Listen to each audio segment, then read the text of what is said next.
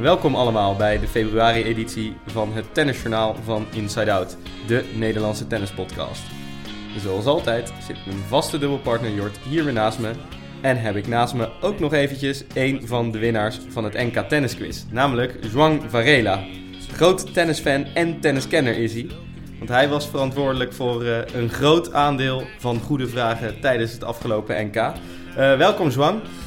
Ja, dankjewel voor uh, deze uitnodiging. Wat een eer, zou ik bijna zeggen. We kennen jou natuurlijk als groot tennisfan en we verwachten genoeg van jouw bijdrage vandaag. zoals altijd aan de luisteraars, we nemen de actualiteiten van de afgelopen maand eventjes met jullie door.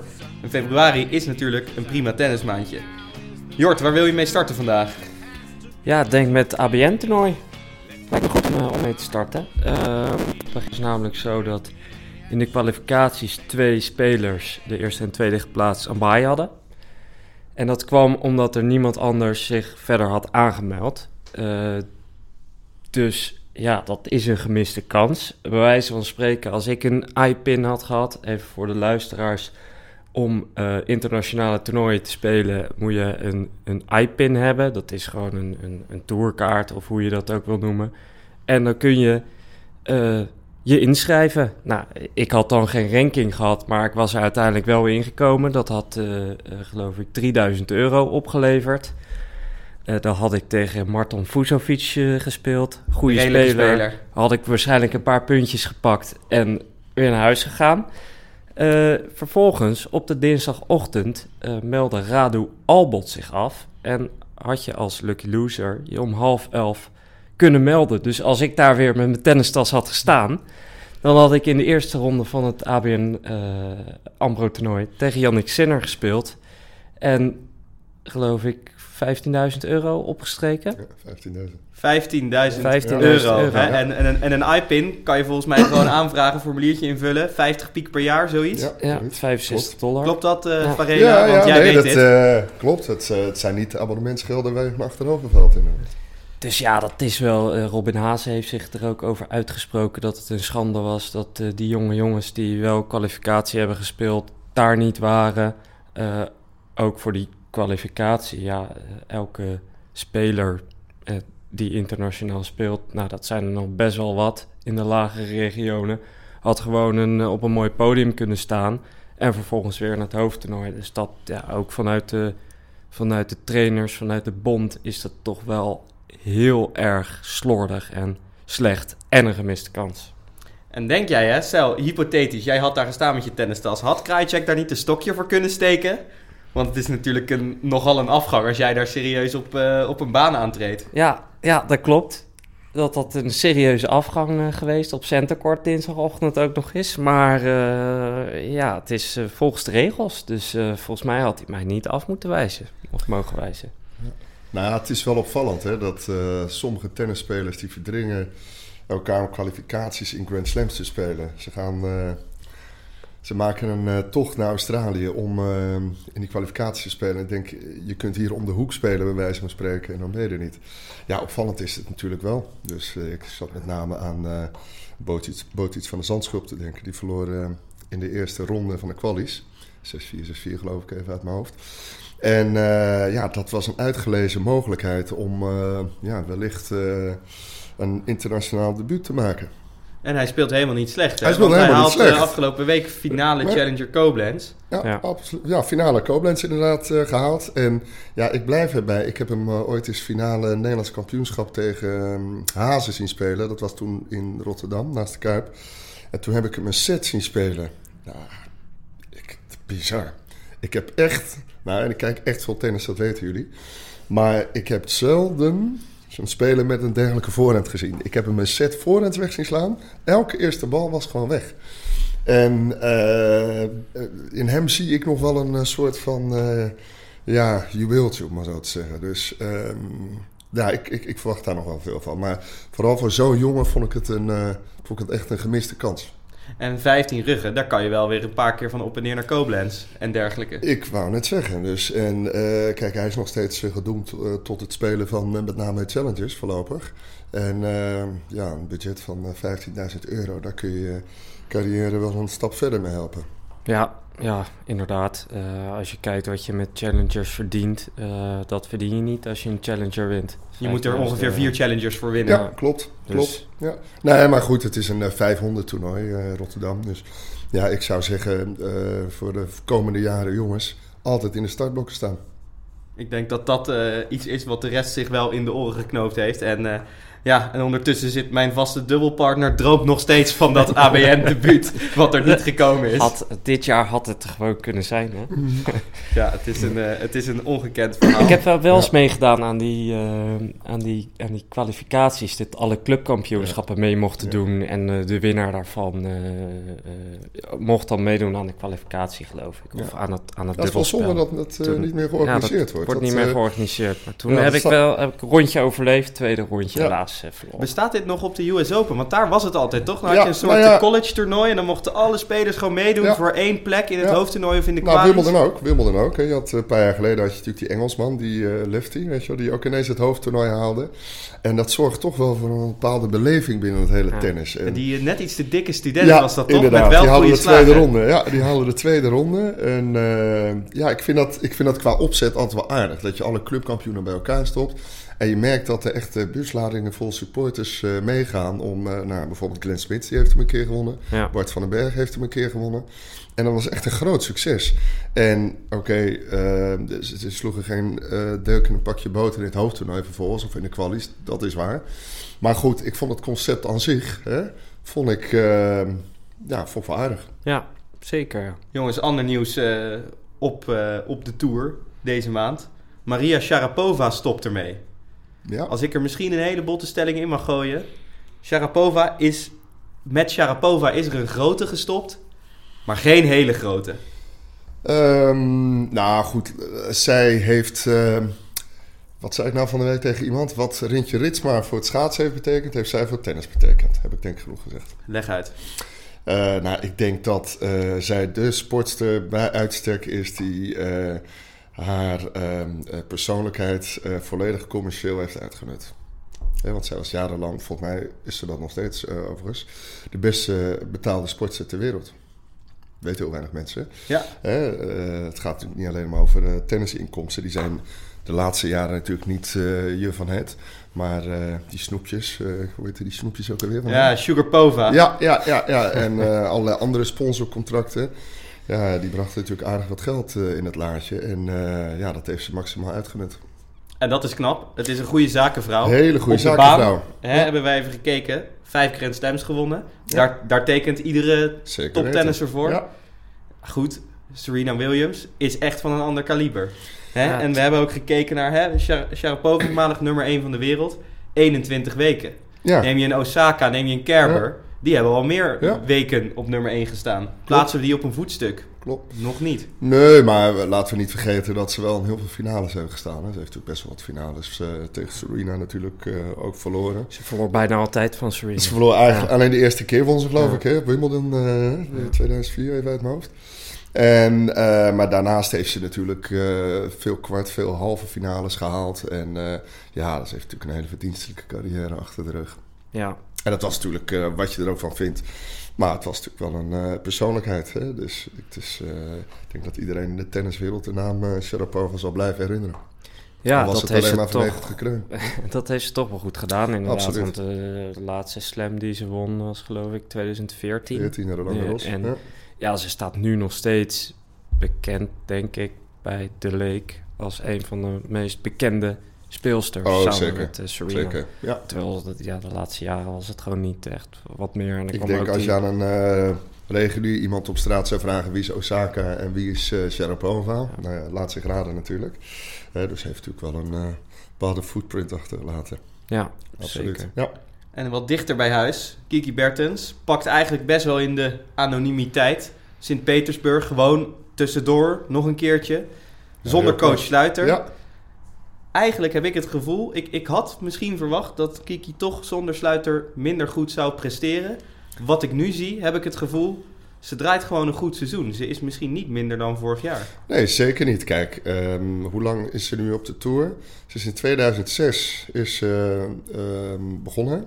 Was geloof ik 14 of zo. Ze heeft bij ons in Vlaardingen haar eerste internationale debuut uh, gemaakt. Dus ze is nu inmiddels ook al 14 jaar op de Tour. Laten we dat ook niet vergeten. En, is, en ik neem aan dat je door allerlei fases heen gaat. Hè. Dus ik zie een coach altijd als een soort van uh, leraar. Je hebt een leraar op de basisschool, op de middelbare school, op de universiteit. En daarna word je eigenlijk losgelaten. En ik denk dat je die analogie wel kunt trekken. Dat ze nu uh, eigenlijk een soort van is losgelaten.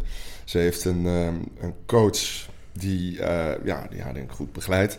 Maar ja, je kunt jezelf de vraag stellen: zou die coach net zo effectief geweest zijn uh, aan het begin van haar carrière? Nou ja, dat, uh, dat zullen we natuurlijk nooit weten. Maar ik denk dat coach, of dat sluiten met name in high school, laat ik het zo maar zien. dat hij haar heel goed er doorheen heeft getrokken en heeft veel constanter gemaakt, hè? met name mentaal. En het lijkt erop dat ze nu ja, op eigen benen kan staan. Ja, het is ook wel lekker dat ze nu gewoon een toernooi heeft gewonnen. Een rondje verder in, ja. in Australië geweest. Als ze twee keer of drie keer eerste ronde had verloren, elke journalist de vraag gesteld van... ja, had je net niet moeten stoppen met... Eens, met eens. Of niet moeten doorgaan met sluiter. En zij is nu helemaal uit de discussie. Dus dat is gewoon wel fijn. Dat is wel fijn voor haar. Maar ja, dat was ook. Ze, is, ze zat eerst natuurlijk bij uh, Van de Brugge. Toen is ze naar uh, Sluiter gegaan en nu naar Tamaela. En eigenlijk heeft ze die stappen best uh, goed doorlopen. Dus ja, dan, ja. daarmee kun je die discussie wel een beetje in de kiem smoren. Ja, en ze kan nu best wel nog wat stapjes maken op de ranglijst. Want Andrescu speelt niet. Heeft ja. volgens mij Indian Wells gewonnen vorig jaar. Uh, Bencic staat niet lekker te spelen. Uh, dus ik kan best wel weer richting die top 5, top 4. Ja, dan hou je een hoop... Uh, Alleen Madrid, hè? Dat is, dat ja. is, uh, ik ook te denken. dat ja. komt eind april misschien ja, zoiets, eind hè? april tegen Roland Garros aan. Hè? Ja, dat is wel mij, hoor. Okay. Volgens mij. Dus. Maar goed, ze heeft inderdaad de komende, wat is het, anderhalve maand nog wat ruimte om zich te verbeteren. En Roland Garros heeft ze natuurlijk niks, bijna niks te opgegeven, toch, vorig jaar? Ja. Dat was dan, dat Tweede ronde. Tweede ronde, ja. ja. dus klopt. ja, dat er is nog wel wat ruimte en de rest van de top 10, een aantal daarvan, zijn niet goed in vorm. Nee, klopt. Hè, wat mij verbaasde, staat Citolina staat in Thailand uh, op een klein toernooi, staat op de lijst.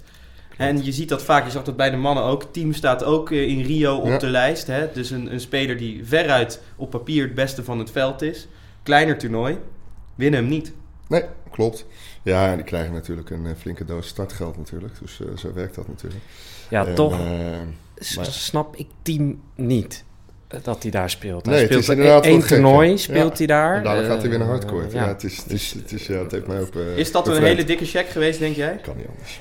Ja, van de afspraak, maar eh, ja, het, het- Dat, ze- dat, dat zal of een sponsordeal geweest zijn met Adidas en het toernooi of eh anderszins.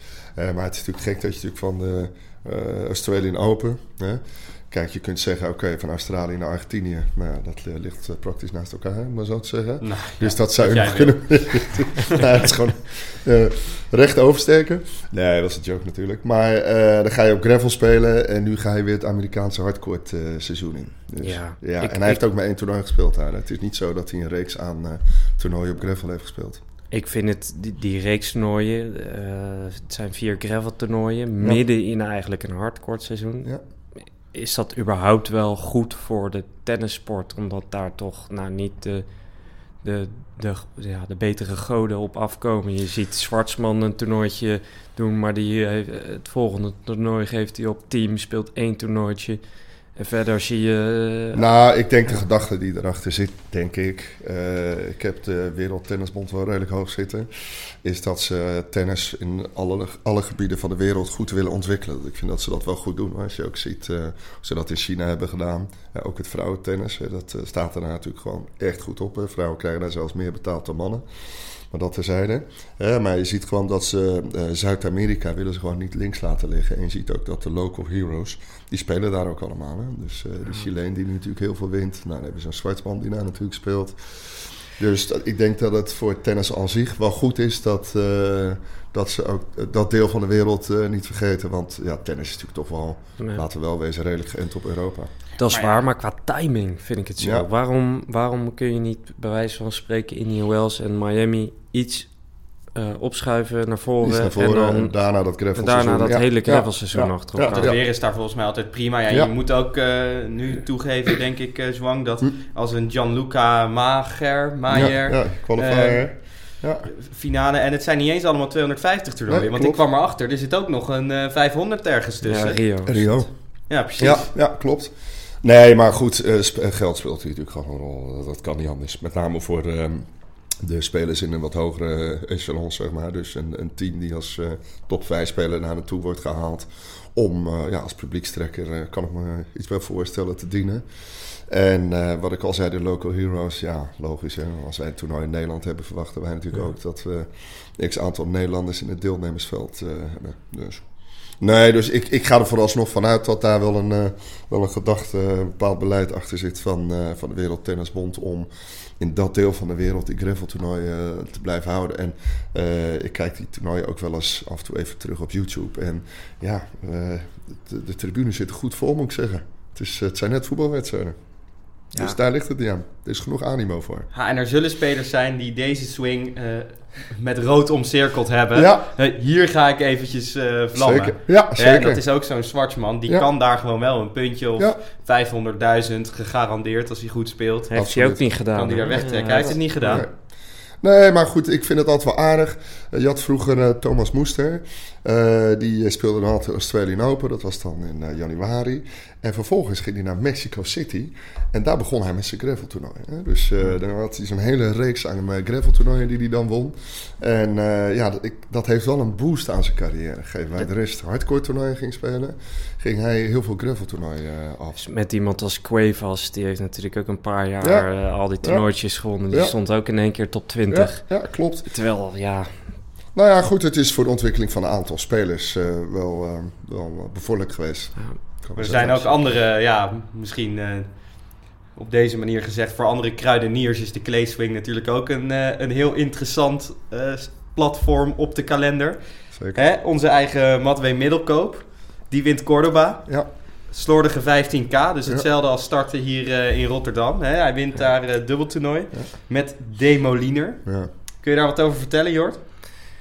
Eh, is een, eh, een, een Braziliaan van, eh, van 30 of 31 is die, geloof ik. En nou, die heeft in de single heeft hij nooit hoog gestaan, 200ste ongeveer. Eén keer een challenger gewonnen en ja, staat nu in de, in de dubbel eh, tour staat hij zijn, zijn wedstrijdjes te spelen. Dit jaar samen met Middelkoop. Eén toernooi gewonnen, verder nog niet zo heel veel gepresteerd dit jaar. Maar jij hebt hem even ge-YouTube toch eh, vanmiddag? Tim? Ja, ik heb heel even gekeken. Ik was toch wel benieuwd naar wie is deze Demoliner? Waar komt hij vandaan? Hoe speelt hij? Dus ik heb eh, wat punten zitten kijken. Hij heeft eh, voor vorig jaar ook wel veel met Nielsen gespeeld. Nielsen die we weer kennen omdat hij vaak met Hazen heeft Ja. gespeeld. Of in ieder geval afgelopen Roland Garros. En ja, Demoliner, ja, ik heb er naar zitten kijken. En het is heel moeilijk om uit te leggen wat dit voor speler is. Hij is niet groot, hij is Hmm. niet klein. Ja, een vrij vaste service, veel in het lichaam serveren Ja. redelijke volleys. eh, Maar er is, er is niks speciaals wat ik Nee. over hem kan zeggen eigenlijk. Nee, gewoon een hele ja, degelijke spelerswijde natuurlijk eh 13 van een dozijn heeft. Hm? En dat zijn van die spelers, eh, ja, die, die hebben vaak een hele lange carrière, moeten de punten en het geld bij elkaar sprokkelen door er heel veel te spelen. En ja, er zit altijd wel een piek ergens in het proces. Maar het kan dan zomaar in eh Cordoba kan het gebeuren. Nou, de- zo zie je maar. En eh, nou, die Matwee die wisselt ook nog wel eens eh, de- wat, eh, wat af qua dubbelspelers. Dus die is daar eh, ook bijna specialist in geworden, zou ik bijna zeggen. Je staat wel een tijdje in de top 100. Hè? Ja, Dus- nee, maar het heel verdienstelijk, toch? Ja. Ja, het, zeker. het is eigenlijk best wel knap, toch? Dat Ja, hij die carrière zeker. nu zo op heeft gepakt. Zeker. En dat je in één keer ziet, oh, jeetje, Matwee Middelkoop wint, Ja. weer, wint toch weer even een Ja, ATP-toernooi. Absoluut. Nou, ik kwam hem, eh, dat was wel grappig, twee jaar geleden kwam ik hem tijdens de Nederlandse indoorkampioenschappen tegen. En toen wist hij mij te vertellen dat, dat hij eigenlijk helemaal eh, ja, geen dubbelaar was. En eigenlijk nog steeds niet echt is. Eh, van leren is niet zijn tweede natuur. Maar eh, ja, hij heeft zich toch, toch in een relatief korte tijd eigen weten te maken. En precies wat jij zegt. hij heeft nu twee of drie ATP-titels, zoiets eh, gewonnen, denk ik, in zijn carrière. Dus ja, hartstikke knap. En ja, ja zijn single, dat eh, single carrière ligt een beetje op zijn gat. eh, Ik, idee, volgens mij moet hij dat ook niet meer willen. Nee. Eh, 35, zoiets. Ja, zoiets hè. Ja. Nee, maar goed, eh, eh, op deze manier kan hij nog wel eh, vijf jaartjes mee, denk ik. Ja, het gaat goed. Ja, Dus, zeker. Dus, en eh, als je natuurlijk eh, vier Grand Slams kunt spelen en eh, wat ik zeg, je hoeft niet constant de halve finale te halen of zo. Maar ja, twee, drie rondjes, eh nou, dat schiet natuurlijk wel op. Hè, als je dat, eh, Als je dat nog een paar jaar kan volhouden, Zeker. dan eh, Ja. is dat denk ik een hele goede en leuke besteding van. En er is ook nog een regel op de ATP-tour, en volgens mij is dat op de WTA-tour ook, als je een x-aantal jaar in het circuit hebt rondgelopen, dat je pensioen ook geregeld is. Dus ja, dat, eh, als je dat in je achterhoofd hebt, dan eh, Ja. zou ik vooral door blijven spelen. Dat denk ik ook. Ja. Jongens, eh, ik heb, we hebben genoeg actualiteit om over te praten. Eh, en we kunnen ongetwijfeld straks nog eventjes doorgaan. Zeker als we het hebben over de prognoses van volgende maand met het toernooi van de maand. Eerst even het crypto-kanon. Eh, jullie hebben allemaal meegespeeld, het crypto-kanon, een cryptische omschrijving. We zijn, ieder journaal zijn we op zoek naar een cryptisch omschreven speler. Hè, vorige maand luidde die, deze roemruchte tennisser eet ook wel eens een bordje Grieks, orde like. Eh, veel reacties van jullie gekregen en eh, ja, ik ben best wel eh, positief verrast, want jullie hebben ook eigenlijk iedereen die heeft ingezonden, en dat waren er geloof ik een stuk of tien, diegenen hadden het ook allemaal goed. We waren namelijk op zoek naar Nick Kiergiros. Ja, ja, Zhuang die vindt er het zijne van. Maar er komt ook gewoon weer een nieuwe vandaag, jongen. En die luidt als volgt. Deze top 50 speler ramt er ook wel eens op los met links. Dus deze top 50 speler ramt er ook wel eens op los met links. Eh, ik hoor graag weer jullie inzendingen via de voice recordjes, via de mail, via de app. Je kunt ons bereiken en eh, wij hebben de namen van degenen die het vorige keer goed hebben eh, voorspeld. Die hebben we opgeschreven. En daar komen we later op terug. Ik zie Zwang hier naast me al flink na zitten te denken. ja, alles, van alles schiet door zijn hoofd. Ook Ja. jij mag een voice recordje Ja. achterlaten Ja, na de show. Ja, Geen de spoilers show. alsjeblieft. Ja, ja, ja, ja oké. Eh, dan de prognoses, jongens. Misschien dat jij hier even de introductie doet, Jort. Ja, dat is goed. Vorige maand eh, hebben we het ABN AMRO toernooi voorspeld. Eh, ik ben eh, toen voor André Rublev gegaan. De man in vorm destijds. Eh, Tim, jij noemde eh, een andere man in vorm. Ik noemde Gael Monfils. Gael Ja, Monfils. heel goed. Ja. Ja, onaantastbaar was die op ABN. Ja. Gael Monfils is een onderschatte speler. Ja, hoor. zeker. En hij is dit jaar echt in vorm. Hij heeft volgens mij een nieuwe coach, hè, die gewoon zegt geen grappen en grollen meer. Ja. Gewoon ehm, eh, ja, zakelijk. Zakelijk blijven spelen. Ja, nou, hij had van de week natuurlijk ook bijna gewonnen van Djokovic. hè. Drie Hij had moeten winnen. Jongen, jongen. Drie ja. eh, matchpoints, Ja, ja. twee op eigen service, Ja, ja. achter elkaar ook nog eens. Ja, 6-3 in de tiebreak. Ja, Ja. dat is wel zonde. Hij had dan eh, in die derde set wel eh, wat fysieke problemen. Dus dat is dan wel weer jammer, ook met het oog op bijvoorbeeld een, een Grand Slam. Als hij straks een keer tegen eh, Nadal of, of Djokovic Ja, speelt. Ja, klopt. Ik denk toch, ah, dat is dan net even, net even jammer. Maar hij speelde fantastisch. Ja. hij speelt dit jaar fantastisch. Dus het is inderdaad niet degene waar, waarvan je vooraf eh, eh, ze in je lijstje zet. Omdat hij nogal vaak met blessures te maken heeft. Maar hij speelt waanzinnig Nou, goed. het is... Het is hij heeft natuurlijk nog steeds een fantastische carrière, la- laten we wel wezen. Maar als je kijkt naar zijn voortraject, dus zijn juniorentijd, waarin hij dus, geloof ik, in een jaar drie van de vier Grand Slams wint, afgetekend. Hè, je zou toch verwachten dat hij in al die jaren toch wel één of twee Grand Slams eh, gewonnen zou hebben. Hè. Dus, en eh, ik geloof dat hij nu twee halve finales of zo heeft gehad. US Open en eh French Open volgens mij. Eh, dat is dan voor een speler van zijn kaliber vrij magertjes nog eigenlijk. Hè? Dus eh, nou ja, wellicht eh, dit jaar. Heeft natuurlijk ook wel te maken met, Met- dominantie. Ah, daar Ja. komt het tijdperk weer voorbij. Ja, maar ja, ja en nee. Kijk, hij heeft natuurlijk ook een periode twee, drie keer achter elkaar van Roger gewonnen. Ja, en op een gegeven moment vrij afgetekend. Hè? En ehm, dus het, het, het, het kan nog wel, maar hij moet wel opschieten. Hij is Ja. 33, eh zag ik laatst. Ja, Dus, dus dat nu geloof ik Tijd dringt. 17 17-0 achter tegen Djokovic. ja, Dat is ook niet lekker de baan opstappen, Nee. hè? maar hij is er toch gaan staan na Nee, maar goed, 16-0 hij zei- achterstand. Ja, maar als jij natuurlijk de eerste set 6-2 wint. En eh, wat ik zeg, 6-3, eh, tweede set tiebreak voor. Ja, voor hetzelfde geld win je hem. En eh, kunnen er hele gekke dingen gebeuren. Nu kan hij hier ook mentaal wel weer even een paar weken extra last van hebben. Ja, nou ja, goed. Ja, zo'n overwinning kan hem natuurlijk net even die boost geven. En uh, ja, we gaan het er zo meteen over hebben. Je weet nooit wat, uh, wat voor effect het kan hebben op uh, toernooien als Indian Wells of Miami. Ja, Monfils, die had dus gewoon, die wint Montpellier, Ja. die wint Rotterdam Ja. en die staat gewoon matchpoint tegen Djokovic. ja, hè? Dat ja. is een streak Ja, Ja. die zeker. echt wel heel serieus is. Zeker weten. Maar de strik van Djokovic, 17? die, eh, als die nu stopt eh, dit jaar... en dan kan hij gewoon eh, eind van het jaar meedoen aan de ATP Finals. Ja. Zoveel punten heeft hij al, eh, volgens ja, mij. ja, klopt. Dus, Nou ja, eh, goed. Hij heeft eh, v- even kijken, vijf tijdens de ATP Cup, zeven tijdens de Grand Slam, Australian Open. En nu ook vijf, dus 17. Volgens mij staat hij nu. Ja. Nee, het, eh, begint een beetje op eh, 2011 te lijken. Hè? Het is heel indrukwekkend. Ja, ja. En tegelijkertijd in Mexico niet meer gravel, maar hardcourt. Ja. Rolt eigenlijk Nadal ook gewoon iedereen op. Ja, ja, absoluut. Nee, eh, geen set verloren. Geen set verloren. En eh, nou moet ik zeggen, eh, Dimitrov geloof ik halve finale en de finale tegen, wie was dat nou? Taylor Fritz. Oh ja, Taylor Fritz. Nou ja, goed, daar val ik niet van achterover. Nee, de, Dus- de, de, de spelers tegen wie eh, moest... eh, Dimitrov was de hoogst Ja, geclasseerde. Die Ja. staat 22e Ja. van de wereld. Ja. Ja. Ja, Maar het is hardcourt, jongens. ja, maar vergis je niet, hè. Als je kijkt naar zijn... eh, ik zat toevallig gisteren een aantal van die statistieken te kijken. En dan heb je zo'n statistiek wie bijvoorbeeld de meeste wedstrijden op hardcourt heeft gewoon op gras, op klee en ga zo maar door. En op hardcourt onderschat het niet, hè. Daar staat hij toch wel in de top 10. Ja, maar hij heeft toch een aantal toernooien heeft hij nooit gewonnen. Hè? Eh, Miami heeft hij nooit Nee, gewonnen, Nadal. Hij heeft eh, Parijs op, Ja. op maar als je nou ziet hoe vaak hij bijvoorbeeld de US Open heeft gewonnen, dat, Ja. is op zich... eh, Nee, nee, dat is... Niet helemaal onwijs. En eh, nu is de US Open natuurlijk ietsje trager momenteel, denk ik, dan, eh, dan de Australian Open. Maar goed, toch eh, drie keer.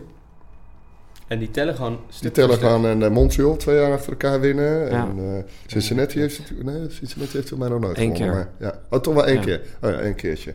Nou ja, dus daarom... Het is natuurlijk gewoon een hele goede hardcourt spelen. En eh Indian Wells heeft natuurlijk heel veel finales van... eh weet hij? Djokovic verloren. Ja, ook wel drie best keer wel wat finales Ja. gespeeld. Dus nou, het is ook een hele verdienstelijke hardcourt speler. Ja, zeker. Maar dat is des te opvallender dat hij Miami nooit heeft gewonnen. Nee, Terwijl nou, Indian Wells is wel drie keer. 2005, hè, twee sets tegen 0 voor.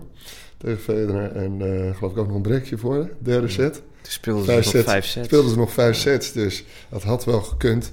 Maar ja, wat ik zeg, hij is eh, ruim, ruim in de 30. En ja, het zou zomaar dit jaar wel kunnen gebeuren. Gaan we vooruitkijken, jongens. Eh, maart. Aantal grote toernooien. Natuurlijk met name in de States. Ja. Wil ik Indian Wells er toch eventjes uitlichten. Fijn toernooi, hè? Ja, het, als ik eh, de spelers mag geloven. Ik, eh, ik lees eh, ook wel eens wat over ja, de opinies die spelers hebben over bepaalde toernooien. Nou, als het gaat om de Grand Slams, dan staat Australië bovenaan. En als het gaat over de Super 9 toernooien, is het eigenlijk Indian Wells. Het is, het is eigenlijk net een Grand Slam. Hè? Ja. Als je kijkt naar de accommodatie, als je kijkt naar de hele entourage, daar midden in de desert hè, ligt zo'n fantastisch park, volop gesponsord door onze Oracle-baas. En eh, ja, prachtig toernooi. Goed weer ook. Ja, goed weer ook. Dus, eh, ook. Ja. ja, en dat laatste graden denk ik wie daar eh, hoge ogen gaat gooien. Denk ik. Rondje prognoses. Dan beginnen we wel bij jou, eh Zwan. Ja, nou ja, ik zei, ik zei het Mannen net en al. vrouwen, hè? Mannen en vrouwen, ja. Nee, dat vind ik trouwens wel een goede ontwikkeling. Dat, eh, dat mannen, eh, eh, mannen en vrouwen toernooien samen worden gepland. Hè, dat is ook goed voor het, eh, voor het vrouwentennis, denk ik. Ehm goede ontwikkeling. Ja, eh, heren. Nou ja, wat ik zeg, Djokovic staat nu op 17. Eh, ik zie niet in wie hem daar op dit moment zou kunnen bedreigen. Ja, tenzij weer een Medvedev het op zijn heupen krijgt, vindt hij toch lastig. Eh weet je, Tsitsipas heeft er ook al een paar keer van verloren. En Team, dat zijn eigenlijk de enige drie spelers die ik eigenlijk als een gevaar zie eh, voor Djokovic, als je mij vraagt. Dus jij speelt Djokovic. Ja, absoluut. En bij de vrouwen? Eh, ja, bij vrouwen ligt het altijd open, maar ik hou het daar toch wel op eh Barty. Jort, wat ga jij spelen? Dan eh, speel ik Nadal. voor Indian Awesome. Wells. Oké. Daar Laten hoorde we- ik voor jou niet over Nee, praten. nee. laten, we, nee, nee, nee. laten we Nadal maar Ja, eh, nee, eens, dat- eh, eens spelen, dacht ik. Ik zat bij de vrouwen ook met eh, party in mijn hoofd, maar Mag hè? Ja. Als je maar een unieke combinatie hebt. Dan hou ik het gewoon een party. Ja. Ja, dan, dan gaan de prognoses dicht bij elkaar liggen, jongens. Ehm, ik wilde zeker Djokovic spelen. Daar, daar kan ik niet onderuit. Eh, bij de dames ga ik eh, kiezen voor Petra Kvitova. Oh, Ja, want? goede vorm. Ja. Eh, een beetje zitten volgen. Ehm, en dat is ook gewoon eh, eentje die ik wat meer op gevoel speel, denk Ja, ik. ja, prachtige speelster. Eerlijk is eerlijk. Maar in de hitte, in de woestijn, ik weet niet.